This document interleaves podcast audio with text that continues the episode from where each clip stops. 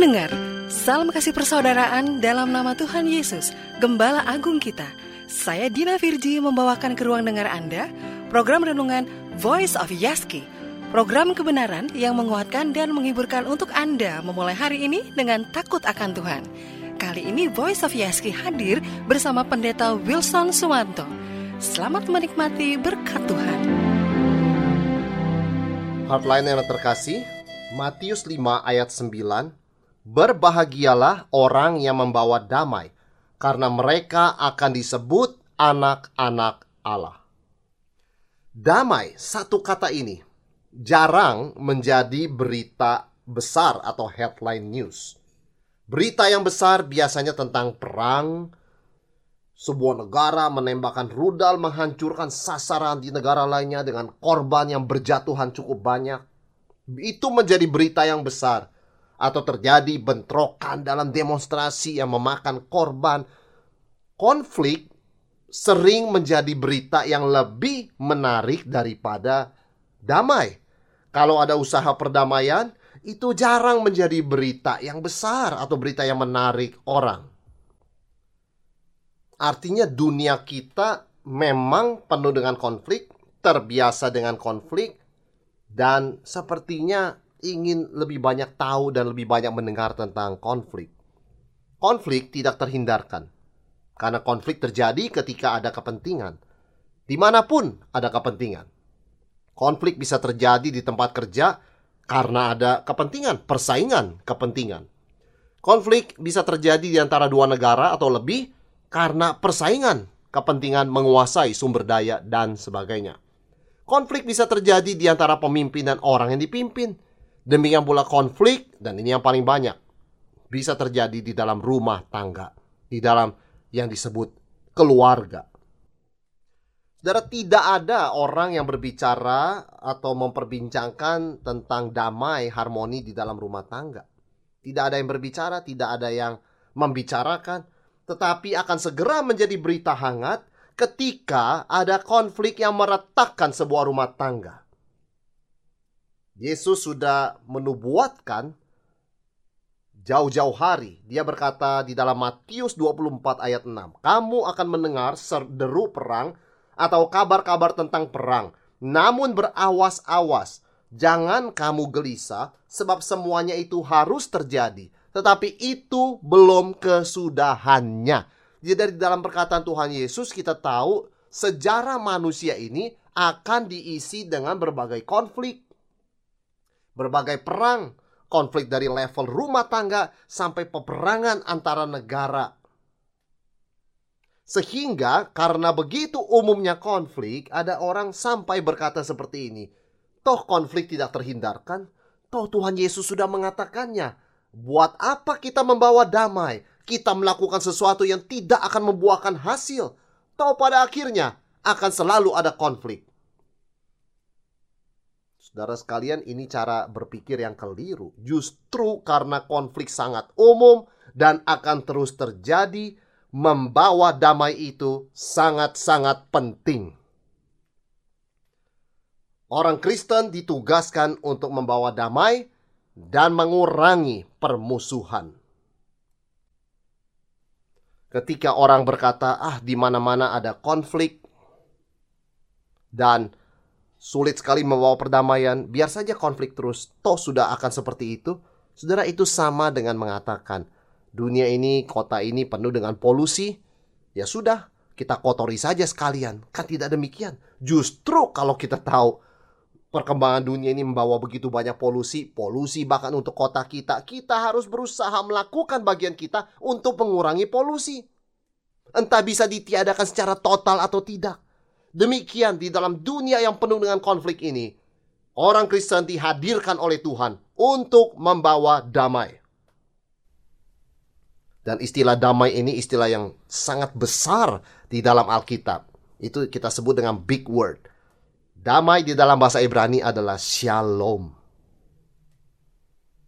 Kita sering kali menyapa orang dengan kata-kata shalom itu artinya salam. Damai Shalom secara harafiah di dalam bahasa Ibrani berarti seperti batu yang utuh dan tidak ada bagian yang pecah. Tidak ada bagian yang crack begitu. Atau tembok yang rapat dan tidak ada lobangnya. Artinya shalom itu bukan sekedar diterjemahkan peace atau damai, tetapi pengertian damai di sini artinya utuh atau komplit, complete. Jadi damai itu bukan sekedar tidak ada konflik, tetapi keutuhan atau completeness. Utuh itu artinya tidak ada bagian yang hilang. Membawa damai atau shalom artinya memulihkan yang retak atau membuat apa yang tidak utuh menjadi lebih utuh, bahkan menjadi utuh total. Jadi shalom itu bukan sesuatu yang pasif. Damai yang seperti tempat yang tenang, tidak ada yang berbicara satu dengan yang lain. Shalom itu bukan sekedar tidak ada konflik. Ada orang menggunakan istilah adem ayem seperti itu. Bukan itu shalom. Di dalam dunia yang penuh dengan konflik, ada begitu banyak keterpecahan atau brokenness, seperti batu yang begitu banyak pecahnya. Shalom hadir untuk memulihkan keterpecahan itu sehingga menjadi utuh, tidak berpecah, tidak bercacat. Maka di dalam Amsal 16 ayat 7 kata shalom digunakan untuk memulihkan hubungan yang rusak. Dikatakan, jikalau Tuhan berkenan kepada jalan seseorang, maka musuh orang itu pun didamaikannya dengan dia, didamaikannya, kata shalom. Shalom bukan sesuatu yang pasif. Shalom sangat aktif dan berperan penting membawa damai untuk memulihkan hubungan yang rusak dan retak. Maka Yesus Kristus disebut Prince of Peace, Raja Damai. Dia datang bukan untuk sekedar menciptakan dunia yang adem ayem. Dia Prince of Peace, Raja Shalom. Dia datang untuk memulihkan hubungan yang rusak antara Allah yang kudus dengan manusia berdosa. Sikap damai dalam pengertian banyak orang adalah kamu tidak ganggu saya, saya tidak ganggu kamu. Kamu, kamu, saya, saya. Jangan saling ganggu. Bukan itu shalom. Itu pengertian damai di dalam dunia. Di dalam dunia damai artinya kamu jangan ganggu saya, saya tidak ganggu kamu. Tetapi shalom lebih dari itu. Kalau kamu pernah mengganggu saya, saya mengampuni kamu. Kalau kalau saya pernah mengganggu kamu, maafkan saya. Shalom memulihkan hubungan yang retak. Kan di dalam dunia ini semuanya sudah retak. Kristus datang sebagai raja damai, memulihkannya retak Pertama-tama antara Allah dan manusia. Dan juga manusia dan manusia. Dan sampai akhirnya manusia dengan alam semesta. Maka pada akhirnya nanti akan ada shalom selama-lamanya. Yang pertama, damai adalah karunia Tuhan. Allah disebut Allah sumber damai sejahtera. Yesus disebut namanya Raja Damai. Damai adalah karunia Allah karena sejak Adam dan Hawa jatuh di dalam dosa, hanya ada konflik, hanya ada perpecahan antara manusia dengan Tuhan dan manusia dengan sesamanya. Justru seperti kita katakan tadi, kalau tidak konflik, rasanya tidak seru. Rasul Yakobus berkata, konflik terjadi karena ada keinginan egois. Mau dapat sesuatu untuk diri sendiri, tidak pikirkan orang lain maka orang lain pun merasa itu tidak adil, maka terjadi perkelahian, terjadi konflik. Damai tidak mungkin datang dari manusia. Damai tidak mungkin ditawarkan oleh dunia ini, karena dunia ini suka konflik dan sudah konflik dengan Tuhan. Damai adalah pemberian dari atas, pemberian dari Tuhan melalui Kristus yang datang lahir sebagai Raja Damai yang mati sebagai korban pendamaian antara kita dan Allah. Dan damai ini, karunia Tuhan ini, anugerah Tuhan ini sangat penting sehingga tanpa damai tidak ada kehidupan yang sejati. Sebagai contoh, seseorang boleh hebat, boleh terkenal, boleh berkuasa, tetapi di dalam hatinya tidak ada damai.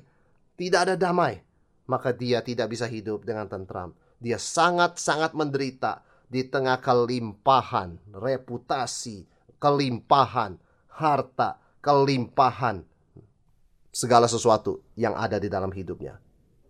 Untuk mendapatkan damai, orang harus berada dalam relasi yang benar dengan Tuhan. Damai bukanlah saya tidak ganggu Tuhan, Tuhan tidak ganggu saya. Tidak. Shalom adalah Yesus datang memulihkan hubungan yang rusak antara saya dengan Tuhan. Dan itu hanya datang dari atas. Seseorang yang belum diperdamaikan dengan Tuhan berada dalam situasi konflik dengan Tuhan, tidak mungkin ada damai. Tetapi ketika dia menerima Yesus Kristus Raja Damai, maka dia belajar bukan Tuhan ikut dia, tetapi dia ikut Tuhan. Maka ada damai. Jalan damai adalah jalan ikut Yesus, jalan ikut Tuhan. Artinya berbalik dari jalan yang salah, mohon ampun kepada Tuhan. Damai, pemulihan relasi yang rusak. Damai, menambal batu yang pecah atau berlubang supaya utuh dan tidak berlubang. Dikembalikan. Daud berkata dalam Mazmur 23 yang terkenal itu, Tuhan adalah gembalaku. Aku tidak kurang suatu apa pun. Shalom, I am complete. Saya utuh. Saya tidak kurang suatu apa pun. Aku ada damai. Ketika kita sadar kita domba yang mengikuti suara gembala, we follow. Ada peace, ada damai, ada shalom. Tapi kalau kita mau memimpin hidup kita sesuai kemauan kita, tidak ada damai. Kita bukan memimpin, kita mengikut. That's peace. Itu damai. Ikut dikau saja Tuhan jalan damai bagiku. Itu yang dikatakan oleh sebuah pujian. Pujian Kristen. Ikut di kau saja Tuhan, jalan damai bagiku. Artinya ada damai. Ketika kita follow, mengikut. Karena Tuhan gembala kita, Tuhan yang memimpin kita, Tuhan yang telah datang sebagai Raja Damai memulihkan hubungan kita dengan Tuhan sehingga kita bukan lagi musuh Tuhan, tetapi kita anak-anak Tuhan dan kita domba kesayangan Tuhan. Tuhan adalah gembalaku, aku ikut dia. Aku tidak kurang satu apa pun. I am complete. Saya utuh. Itu shalom. Maka Yesus berkata, damai sejahtera yang kuberikan kepadamu tidak seperti yang dunia berikan. Yesus menggunakan kata-kata my peace damai sejahteraku. Hanya dalam Kristus ada damai sejati. Dan damai itu milik Kristus. Diberikan kepada orang yang percaya kepada dia. My peace I gave unto you. Damai sejahtera ku berikan bagimu. Dan damai yang ku berikan tidak seperti yang dunia berikan. Karena yang dunia berikan adalah damai palsu, bukan shalom sejati. Damai yang cuman kamu tidak ganggu saya, saya tidak ganggu kamu. Kita jangan ribut, tidak ada konflik. Tetapi dalam hati belum dibersihkan, dibebaskan dari kebencian, kecurigaan, dendam, kemarahan, dan sebagainya. Raja damai datang, memulihkan relasi kita dengan Tuhan, mengirimkan rohnya yang kudus, membersihkan hati kita dari segala hal yang merusak shalom. Shalom dengan Tuhan dan dengan sesama. Yang kedua, saudara sekalian, damai bukan hanya pemberian Tuhan, damai adalah panggilan Tuhan bagi kita. Kita adalah anak-anak Allah. Yesus Kristus dengan kematiannya mendamaikan kita dengan Allah. Sehingga Allah disebut sumber damai, the God of peace. Yesus berkata, damai sejahteraku, my peace. Semua itu adalah pemberian Tuhan saat yang sama. Panggilan dari Tuhan karena kita anak-anak Allah, seperti anak mengikuti Bapa. Kita juga meneladani Bapa di sorga. Karena kita disebut anak-anak Allah, kita membawa damai. Karena Allah kita, Bapa kita di sorga adalah Allah sumber damai sejahtera. Our God is the God of peace. Dan kita children of God, anak-anak Tuhan. Maka kita mau membawa damai karena that's who we are. Karena itulah jati diri kita. Damai ini harus diusahakan. Karena damai ini panggilan Tuhan. Damai ini identitas kita pembawa damai. Karena kita anak Bapa di sorga. Damai ini harus dipelihara dan diperdalam dan diusahakan. Peace is a work. Damai sejahtera adalah kerja keras.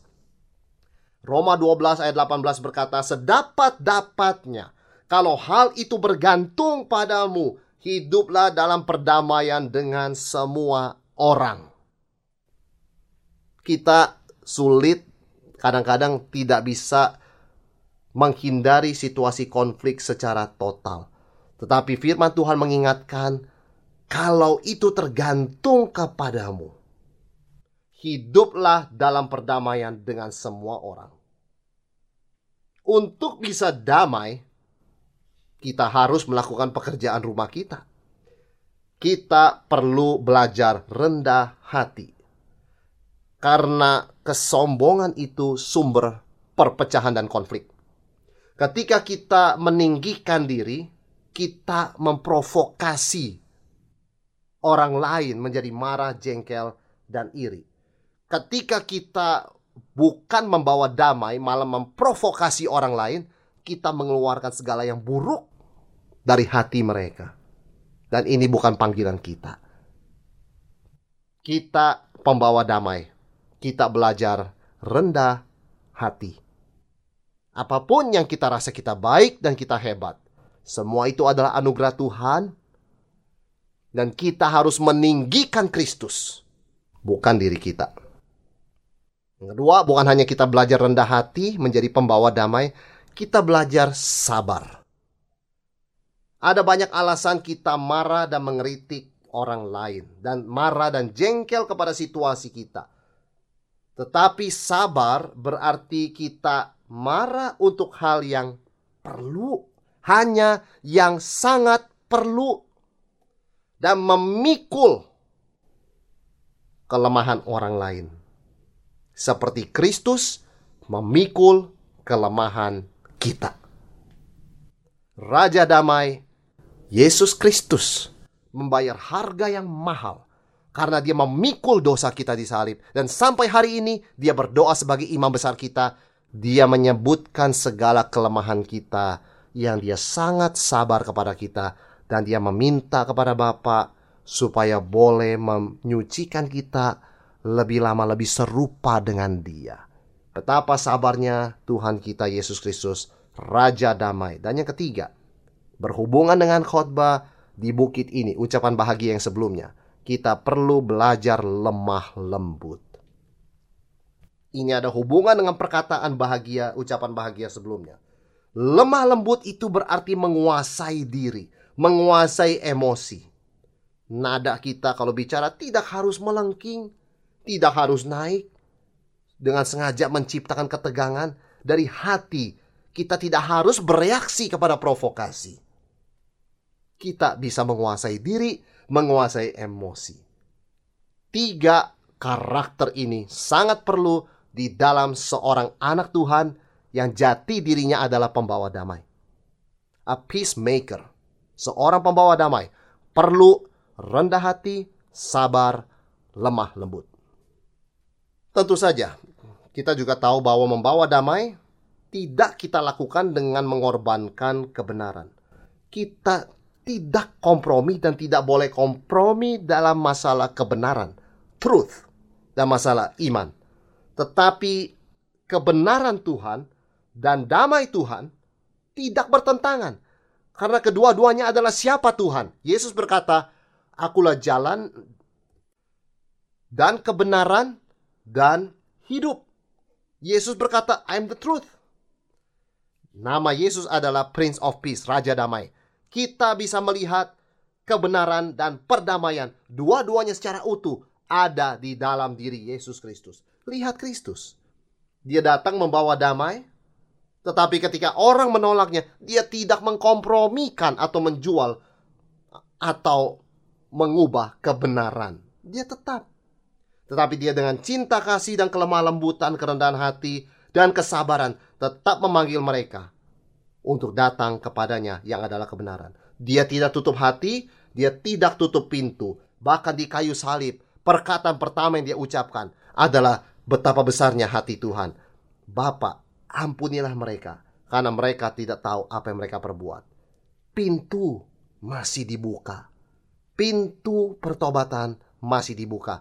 Pintu pengampunan masih dibuka dengan lebar. Kristus tidak mengkompromikan kebenaran, tapi pintu damai terus terbuka sampai akhir hidup kita. Maka membawa damai menjadi pembawa damai berarti tidak pernah menutup pintu bagi kasih dan perubahan. Orang bisa punya banyak kelemahan, tetapi orang dengan kuasa Tuhan bisa berubah. Tuhan bisa ubah mereka. Kita tetap berharap dan percaya. Damai itu berarti kita siap, ready. Seperti Kristus. Bagaimanapun dia diperlakukan orang, dia ready to forgive. Dia siap mengampuni. Karena dia datang sebagai Raja Damai, memperdamaikan manusia dengan Tuhan melalui kematiannya di salib. Maka kata damai ini ditulis oleh Rasul Paulus sebagai senjata rohani. Dikatakan, hendaklah kakimu berkasutkan kerelaan untuk memberitakan Injil damai sejahtera. The readiness. Selalu ready untuk berdamai. Dunia penuh konflik, tapi kita ready membawa damai. Kita ready menunjukkan bahwa kita ini anak-anak Allah.